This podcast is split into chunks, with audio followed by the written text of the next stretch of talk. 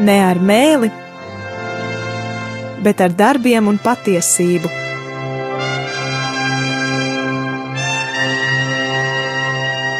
Atvērsim svētos rakstus un studēsim kopā. Māca Jēkabs, Dieva un Kunga Jēzus Kristus kalps.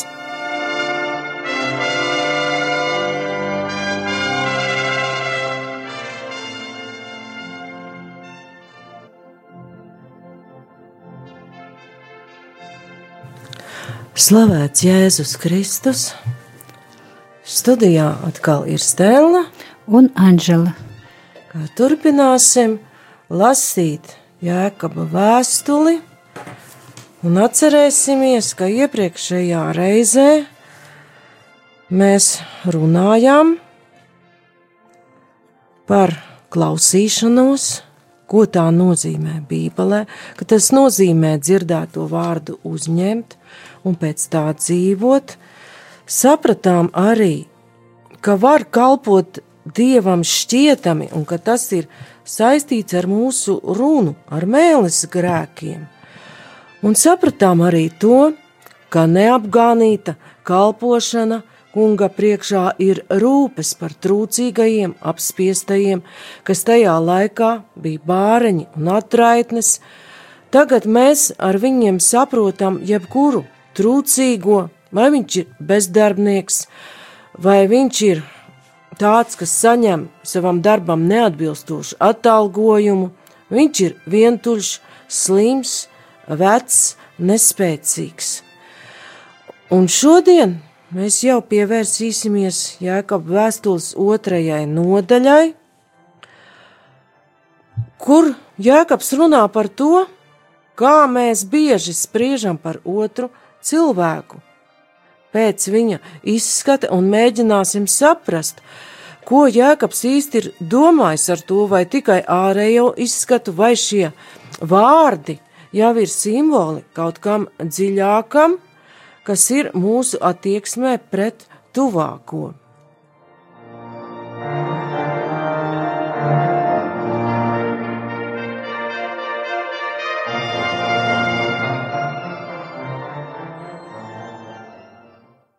Kā redzējām, Jēkabs saista šo neapgānīto un tīro kalpošanu rūpēm par tuvāko, par trūcīgo, vientuļo atstāto par to, kuram ir vajadzīga palīdzība.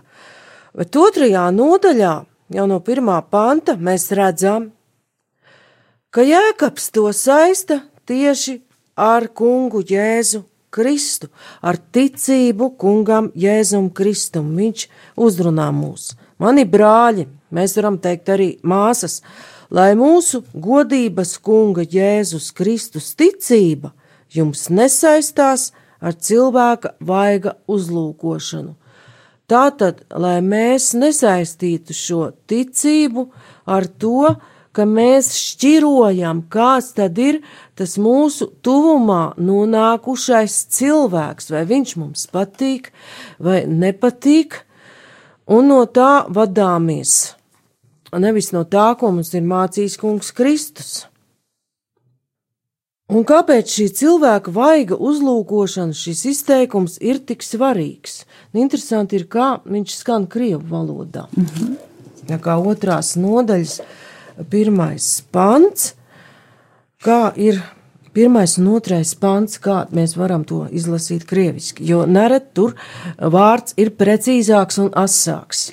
Братья мои, имейте веру в Иисуса Христа, нашего Господа славы, невзирая на лица, ибо если в собрание ваше войдет человек с золотым перстнем, в богатой одежде войдет, же Войдет же и бедный в скудной одежде, и вы, смотря на одетого в богатую одежду, скажете ему, «Тебе хорошо сесть здесь», а бедному скажете, «Ты стань там и садись здесь у ног моих».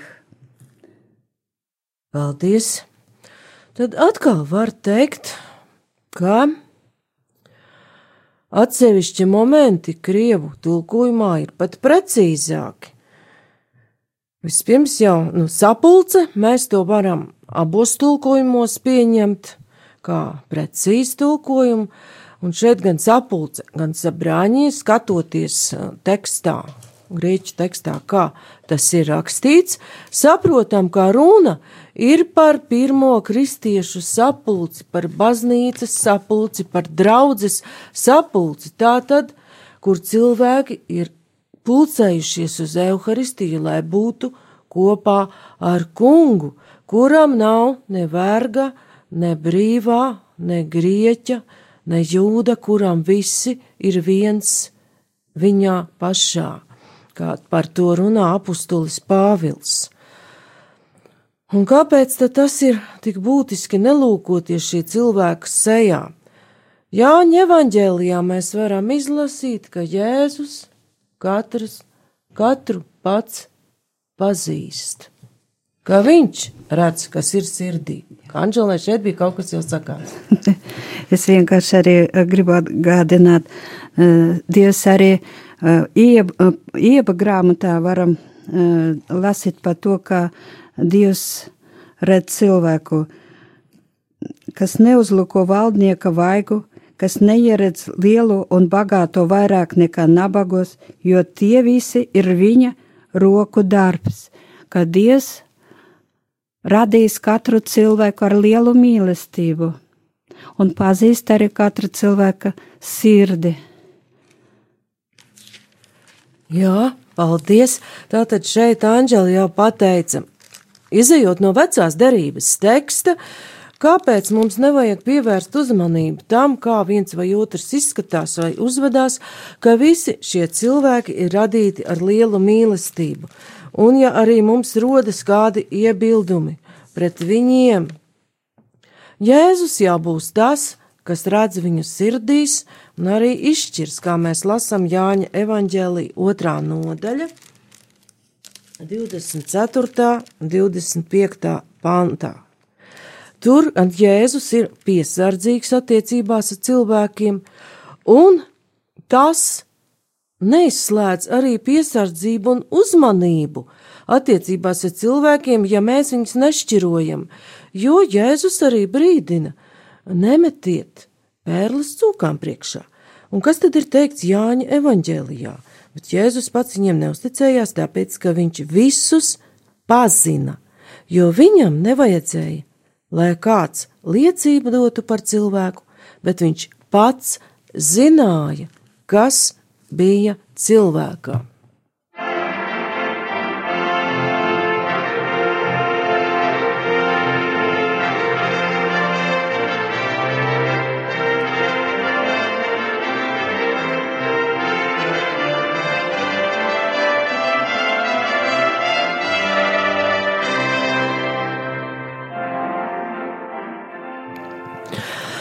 Un Jēkabs jau nav pateicis neko jaunu, kas nebūtu sakņots likumā. Anģela šeit ir atradusi jau atkārtotā likuma grāmatas noteikumu par šo cilvēku vajag uzlūkošanu. Arī tiesā neuzlūkojiet neviena vaigu, kā mazo, tā lielo uzklausiet, nebīsties ne no viena, jo tiesa pieder dievam. Paldies! Tad šeit jau Šie vārdi daļai mūs ved tālāk arī jēkaba tekstā, jo tālāk jau viņš arī runā par šo tiesu un tiesāšanos, ko dara šie bagātie cilvēki. Un tā tad jau nonācām pie atziņas, ka runa ir par kristīgajo sapulci, un šeit redzam vīru ar zelta gredzenu graznā tērpā. Tātad tas ir cilvēks ar augstu sociālo statusu, gredzens tajā laikā nozīmēja arī zināmu varu. Varam atcerēties vecās derības stāstu par Jāzepu, ka tad, kad faraons viņam iedod šo milzīgo varu, viņš ir otrais aiz valdnieka, ka faraons dod viņam ķēdi kaklā un gredzenu pirkstā. Tātad ir runa par varanu, ietekmīgu un turīgu cilvēku sapulcē, no kura bieži pārējie tā kā baidās un respektē, pat paturot sevī savu īsto attieksmi pret viņu. un ierāda viņam šo labāko vietu, un it kā parāda tādu godu, bet Jēkabs jau runā par to, vai jūs nebūtu nākuši nesaskaņā paši ar sevi un nebūtu izrādījušies par ļaundomīgiem spriedējiem, jo sirdīšis spriedums par turīgo varētu būt nebūt tik labs un kas attiec uz nabagu netīrā tērpā, skudnaja aģežda nenozīmē īsti netīru, bet tādu trūcīgu, nabadzīgu tērpu. Tātad tas ir cilvēks, kas ir ģērbies ļoti pieticīgi, vienkārši, tātad viņam nav šī augstā statusa, šo ļoti lielo ienākumu, lai viņš varētu sevi labi parādīt.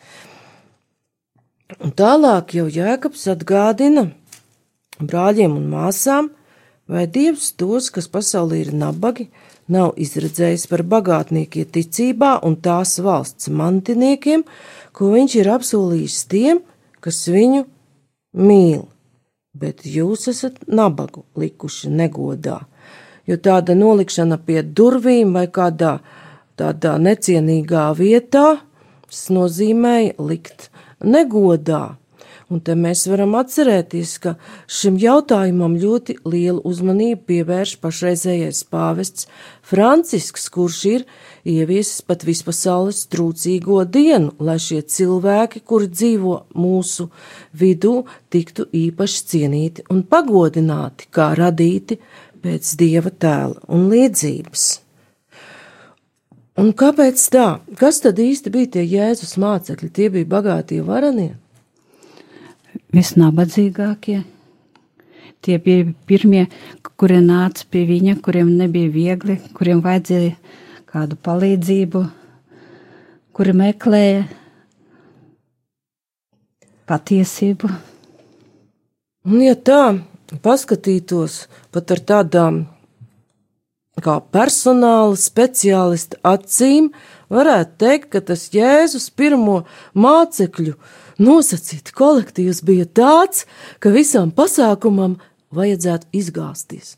Kad neizglītoti zvejnieki, kuri tur pamet savu darbu un staigā jēzum pakaļ, bet, kā redzam, baznīca pastāv 2000 gadus, un, kā Jēzus saka, Elles vārtiem to nebūs uzvarēt. Un vai ir runa tikai par tādu materiālu nabadzību? Tai arī ir liela nozīme Jēzus mācībā, bet mēs zinām, ka arī nabadzība var kļūt par apgrieztu piesaisti mantai, jo cilvēks nebūdams mierā ar to savu nabadzību, nepārtraukti domā, cik labi būtu, ja man būtu. Vienalga kas. Jā, vienalga kas, kas ir tur tam tuvākajam. Bet Jēzus Mateja evaņģēlijā runā par nabadzību, noteikti zina par kādu, kalnu svētībās jau.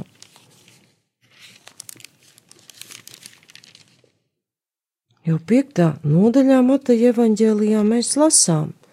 Jēzus saka tādus it kā nesaprotams, gandrīz vai ārprātīgus vārdus - svētīgi, garā, nabagi jo tiem pieder debesu valstība. Svētīgi kam bēdas, jo tie tiks iepriecināti.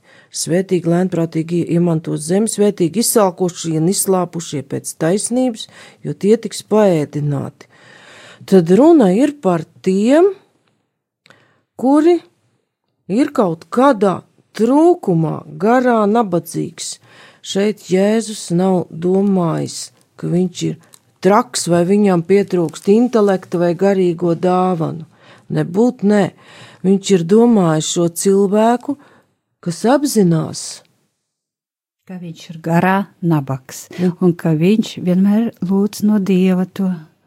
Jā, ka viņš ir gatavs saņemt no dieva gan savu materiālo iztikšanu, gan arī garīgās dāvanas, un ir gatavs to visu nodot citiem.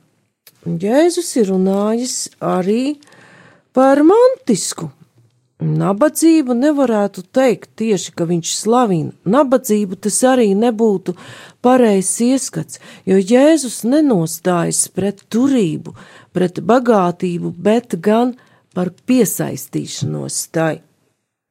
Jo ko viņš saka tajā pašā kalna runā? Sastā nodaļā 19. pantā. Nekrājiet sev mantas virs zemes, kur kods un rūsas tā maitā un kur zagļi rok un zog, bet krājiet sev mantas debesīs, kur nekodas nerūsa tās nemaitā, un kur zagļi nerok un nezog, jo, kur ir tava manta, tur būs arī tava sirds. Un te lasām, ka Jēzus nebudina pilnīgi atteikties no tā, bet ir šis vārds nekrāt tad nevilkt savā alā un nepaturēt tikai sev. Arī var izlasīt Lūkas evaņģēliju. Un viņš stāstīja tiem līdzību sacīdams, kādam bagātniekam viņa lauki bija nesuši pa pilnam augļu, un viņš sāka pie sevis spriest, ko es darīšu, jo man nav kur savus augļus likt. Un viņš tur, turpināja: To es darīšu, es noplēsīšu savus šķūņus un uzcelšu lielākus, un tur savākšu visu labību un mantu. Un sas, sacīšu savai dvēselē, dvēsele, tev ir lieli krājumi uz ilgiem gadiem, atpūties, ēd, dzer un līksmojies bet Dievs uz viņu sacīja: Tu bezprātīgais, šī naktī no tevis atprasīs tavu dvēseli, kam tad piederēs tas, ko tu esi sakrājis? Tā tiem, tā iet tam, kas sev mantas krāj un nav bagāts dievā. Un nu, lūk, šajā Lūkas evanģēlīja fragmentā arī mēs redzam šo atbildi Un paskaidrojumu, var teikt, pat komentāru Jēkaba vēstulē atkal redzam, kā svētie raksti paskaidro svētos rakstus. Tos, kas ir pasaulē, ir nabagi. Pasaules acīs tas, kurš nevāc, nav skrāj, ir nabags. Tas zināmā mērā tāds neprātīgs, traks, viņš nav nodrošinājies vecumdienām, viņam nav iekrājumu, jo mēs daudz kur lasām un redzam, ka cilvēkus mudina iekrāt. Bet Jēzus mums eh, parāda to, ka tas ir īslaicīgs, jebkurā brīdī tu vari tikt aizsaukts.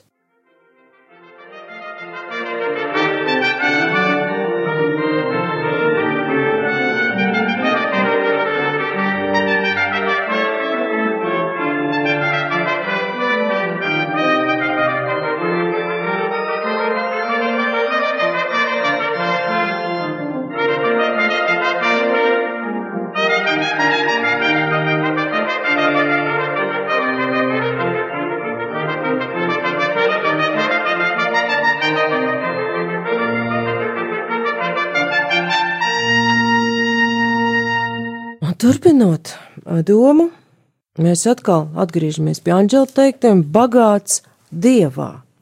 Un saprotam to, ka arī cilvēks, kuram ir pietiekoši daudz turības un bagātības, var būt bagāts dievā, ja viņš nav tā piesaistījies un var to lietot, lai palīdzētu tam trūcīgajam tuvākajam, kas ir viņam līdzās.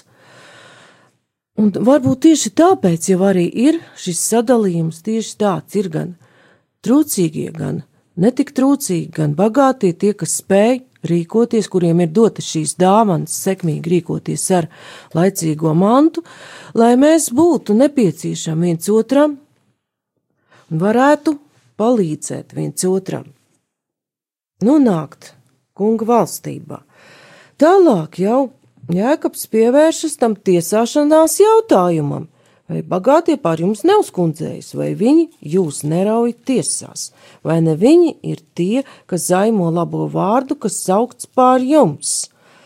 Tā tad šī tiesāšanās cilvēku starpā ir ļoti sena parādība, un veca kā pasaule, un acīm redzot, tas ir tā noticis arī tajā laikā pirmkristīgo draudzēs, un par to vairāk ir runājis apustulis Pāvils pirmā vēstulē korintiešiem, sestajā nodaļā par šo tiesāšanos kristīgo starpā, ka diemžēl tāda pastāvēja, un ko viņš raksta. Pirmā vēstule korintiešiem sestā nodaļa. Ja jums citam pret citu ir kāda sūdzība, vai tad jāgriežas pie netaisno tiesas un ne pie svēto tiesas? Jeb vai jūs nezināt, ka svētie tiesās pasauli? Ja tad nu jūs esat pasaules tiesneši, vai tad jūs nebūtu cienīgi iztiesāt vismazākās lietas? Un šeit Pāvils aicina šīs domstarpības un nesaprašanās atrisināt pašiem savā starpā. Atrisināt arī šīs sūdzības un ne, neizpratni vienam par otru laicīgās lietās un neiznest to ārpus savas kopienas. Un tālāk apustulis Pāvils raksta 6. nodaļas 5. pantā. To es saku jums par apkaunošanu. Vai tad jūsu vidū nebūtu neviena prātīga vīra, kas brāļu starpā varētu tiesu spriest, bet brālis iet tiesāties ar brāli un tad vēl pie neticīgajiem. Jau tā nav laba lieta, ka jūsu starpā vispār tiesājas. Kādēļ jūs labāk nepaciešat netaisnību? Kādēļ jūs labāk nepanesat pārestību? Bet jūs darāt netaisnību un pārestību, un to vēl brāļiem. Tad šis Pāvila Vēstules fragments tuvāk paskaidro, ko ir domājis apustulis Jēkabs ar šo tiesāšanos, uzkundzēšanos un brāļu raušanu tiesās. Tā tad ir runa par to, ka pat kristīgas draudzes piedarīgais varēja tiesāties ar brāli pagānu laicīgajās tiesās kas tomēr nav savietojams ar šo tuvāk mīlestības bausli, jo tālāk Jēkabs jau piemin ķēnišķīgo likumu pēc rakstiem.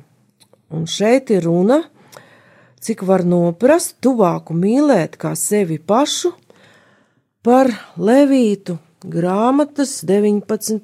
nodaļas fragmentu, kur ir šie vārdi, kurus tālāk Jēzus jau attīsta par mīlestības likumu vispilnīgākajā pakāpē, tad tā ir Levītu grāmata, 19. nodaļa un 18.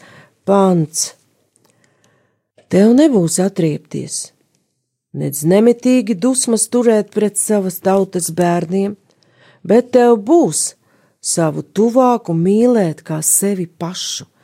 Es esmu tas kungs. Tātad mīlēt tuvāko kā sevi pašu.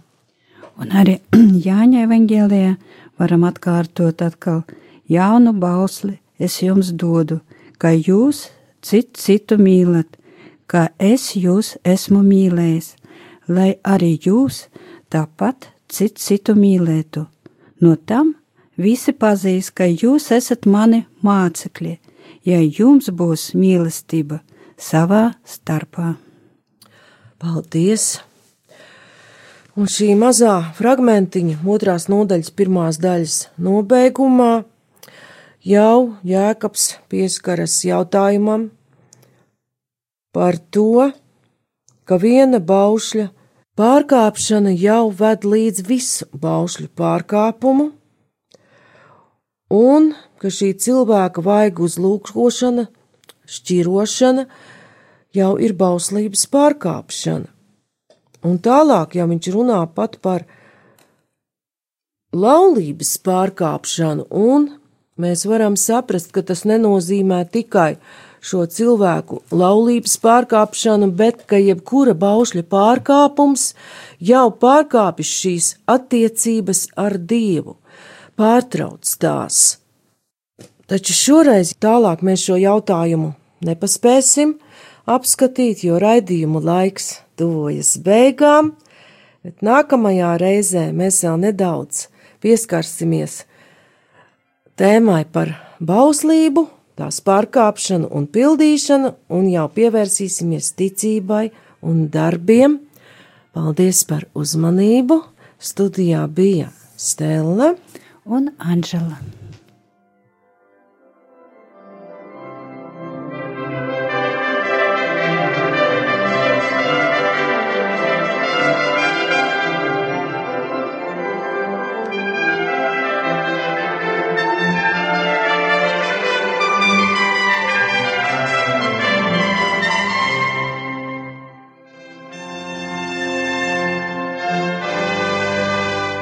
Izskanēja raidījums.